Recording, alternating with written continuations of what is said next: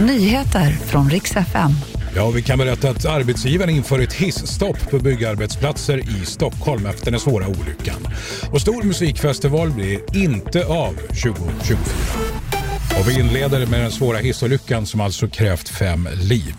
Huvudentreprenören Anderson Company har haft en pressträff under eftermiddagen och eh, företagets vd Patrik Toresäter säger att säkerheten är prioriterad för oss i alla projekt.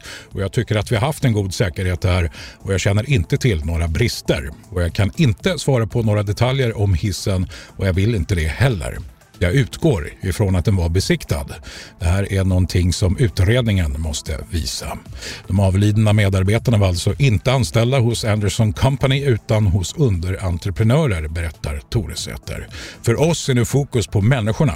Våra tankar går till de drabbade, anhöriga och de som arbetar och jobbar på projektet.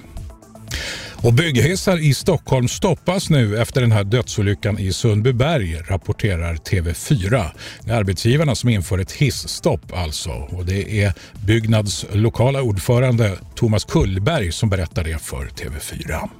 Och till sist, musikfestivalen Lollapalooza Stockholm blir inte av 2024. Vi tar en paus nästa år. Vi vill använda den här tiden för att utvärdera och göra förbättringar på alla områden, säger Alexander Kilström som är kommunikationsansvarig på Lollapalooza Stockholm. Det var nyheterna. Jag heter Jocke Ljungberg.